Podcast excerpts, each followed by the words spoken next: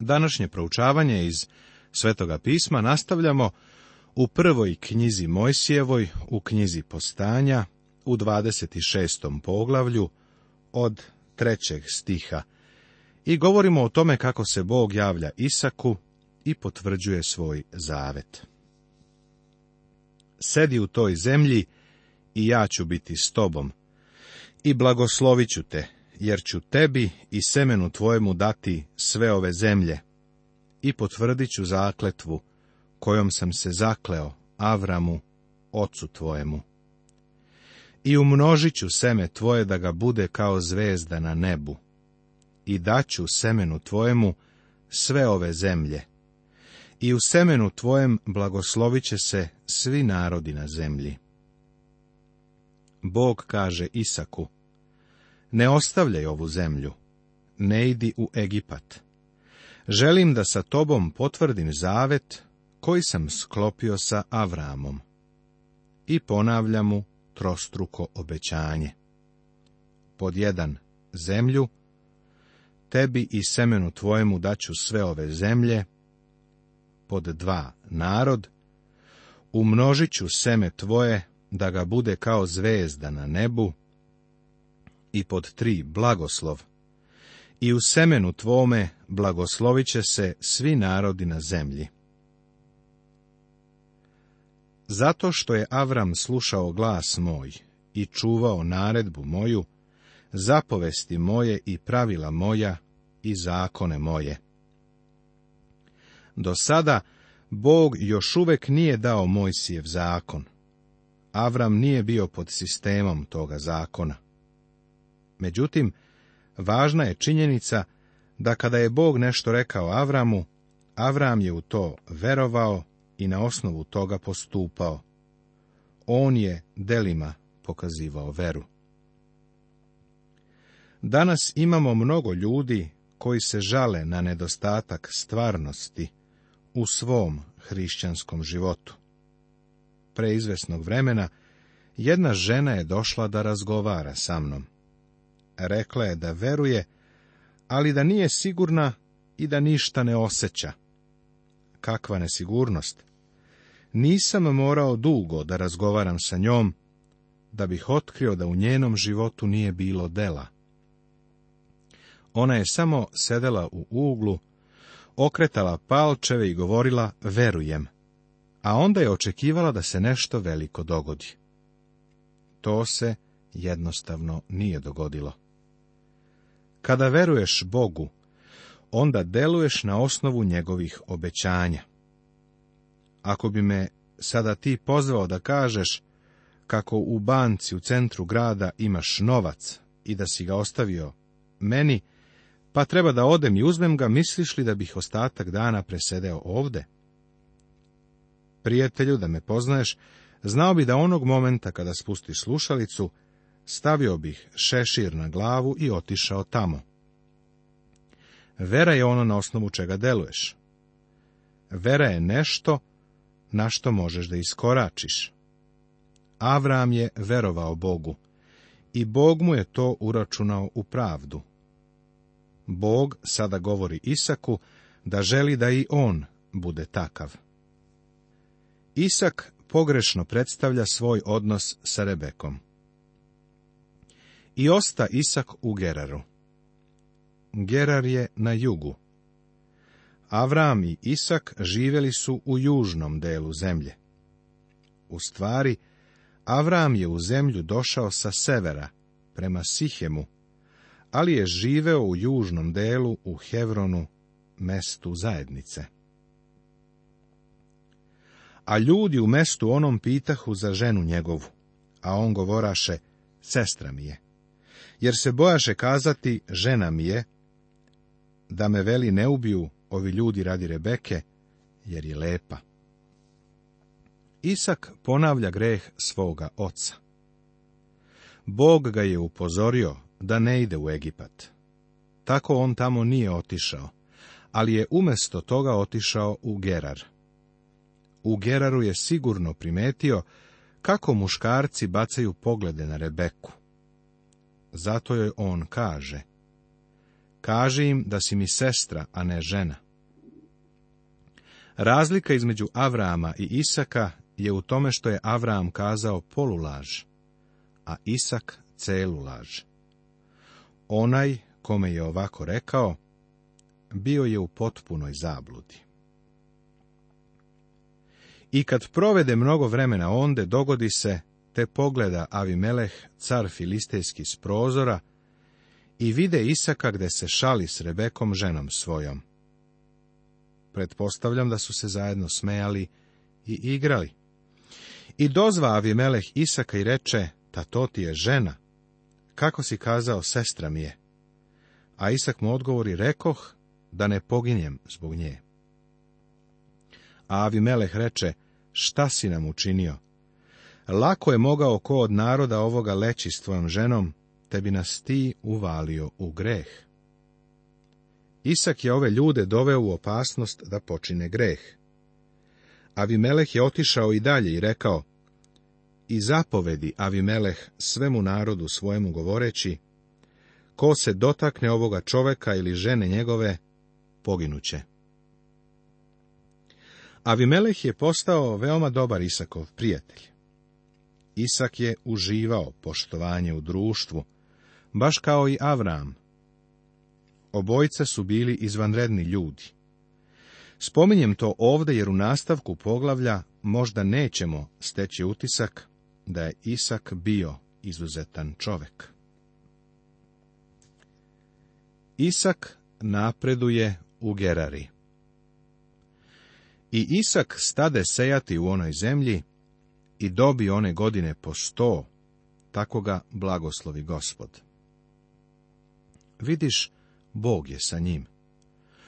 Ovo je blagoslov koji je Bog obećao ovim ljudima još onog dana kada je pozvao Avrama. Bio je to zemaljski blagoslov.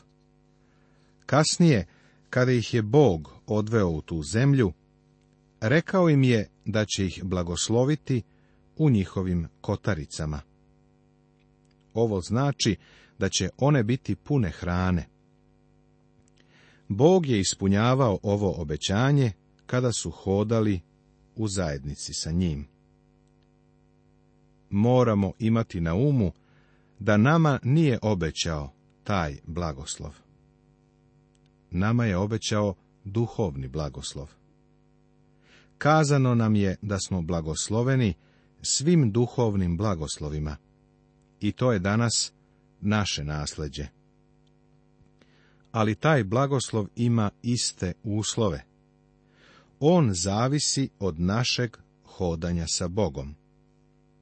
Ako mu dozvoliš, on će te izobilno blagosloviti u duhovnom životu. Ovde otkrivamo da je Isak veoma blagosloven. I obogati se čovek i napredovaše sve većma, te posta silan. Ne propusti činjenicu da je Isak veoma blagosloven. Njegova polja donose stostruko.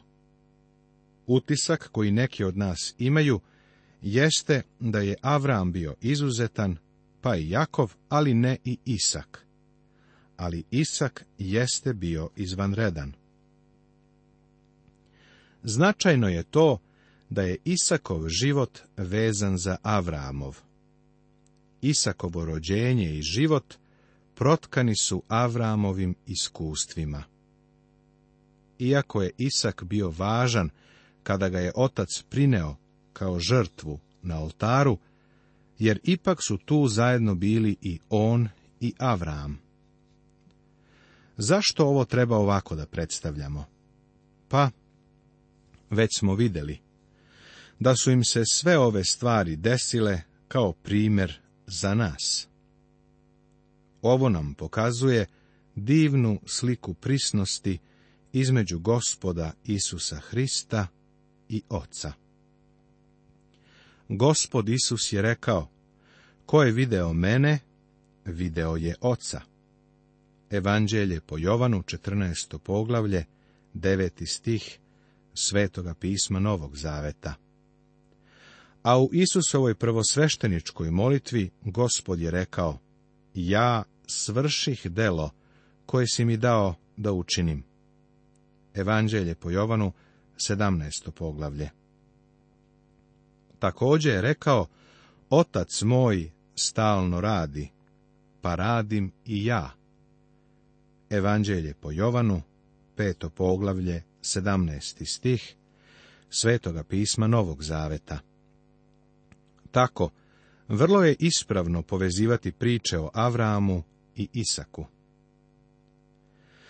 Sada u ovom poglavlju pred sobom vidimo kako Isak stoji na svojim nogama i ne deluje vrlo privlačno. Ispoljava slabost i ponavlja Avramov greh.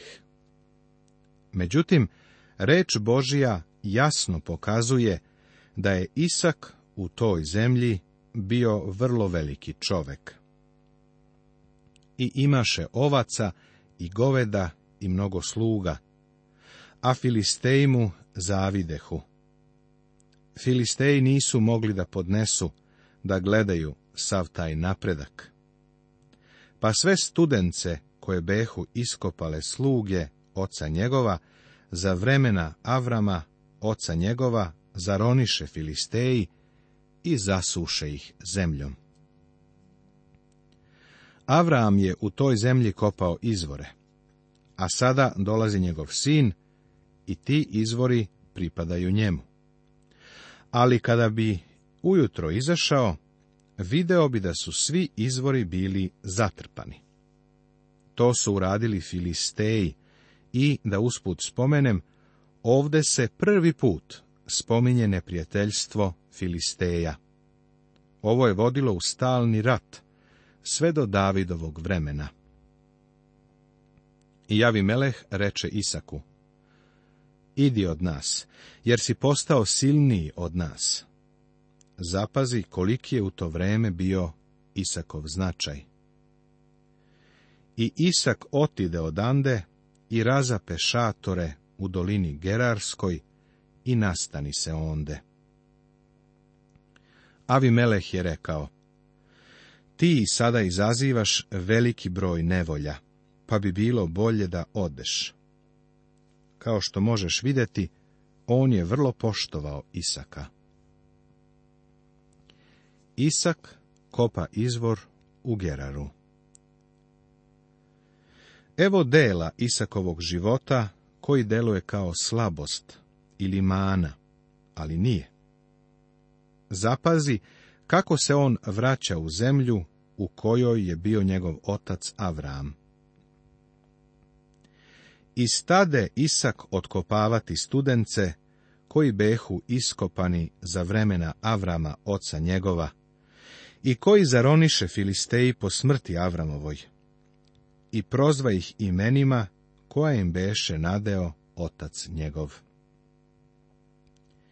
I kopajući sluge Isakove u onom dolu, nađoše studenac žive vode.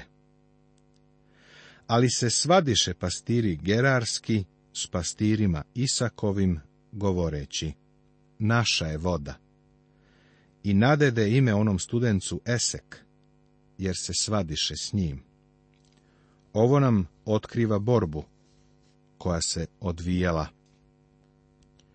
Smatram da je voda slika reči Božje. Treba duboko da zaronimo u nju i da je pijemo. Ona se naziva vodom reči i za piće je, jer treba da utoli našu žeđ, a služi i za pranje. Isus je rekao da smo očišćeni kroz reč koju je on govorio. Voda je neophodan sastojak za život. Nema života bez vode. Ako letiš preko pustinja Arizone, Novog Meksika i Kalifornije, vidjet ćeš mnogo suve i neplodne zemlje. A onda odjednom uočavaš oblast bujnog zelenila i pitaš se šta se tu dole desilo. Jedino objašnjenje je voda.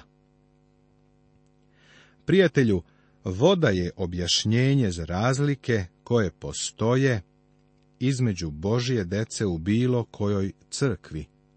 Voda reči Božije.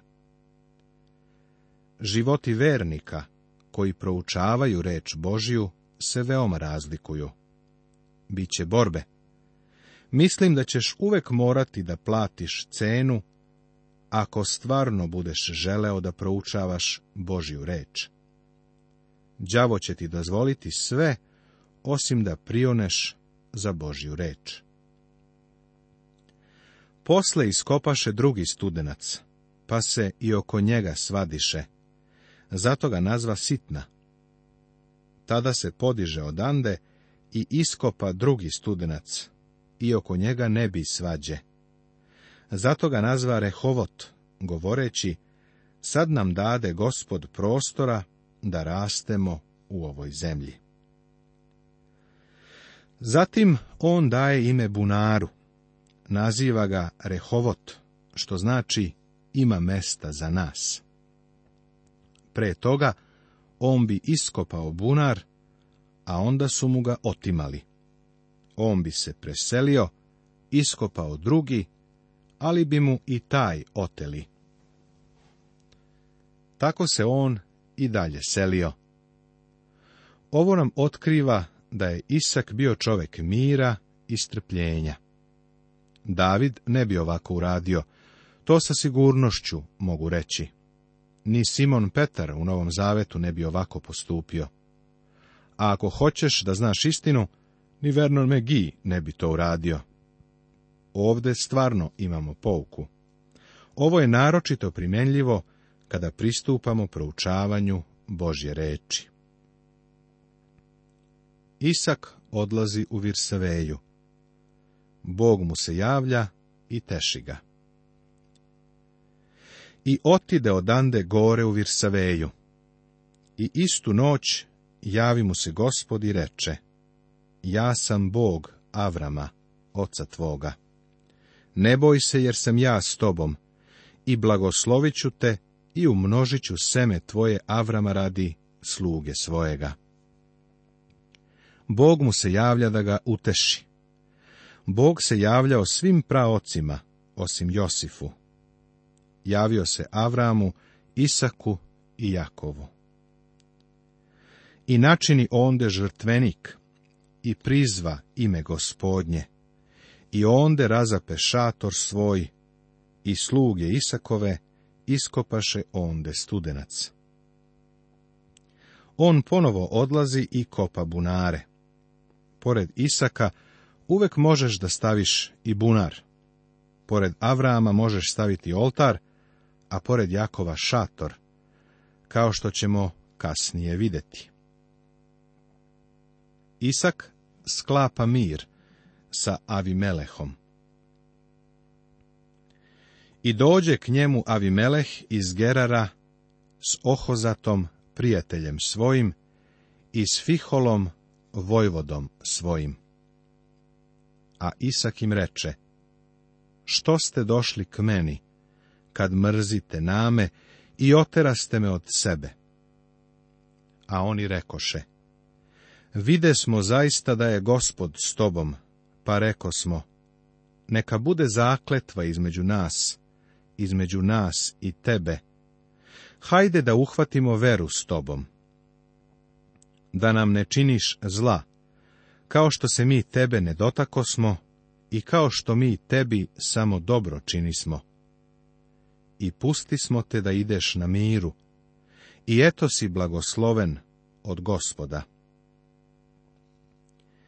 Iako Isak deluje skoro slabašno u komunikacijama sa ljudima iz Gerare, Gerarski kralj je bio sa njim tako impresioniran da ga je pratio do Virseveje da bi uspostavili dobre odnose.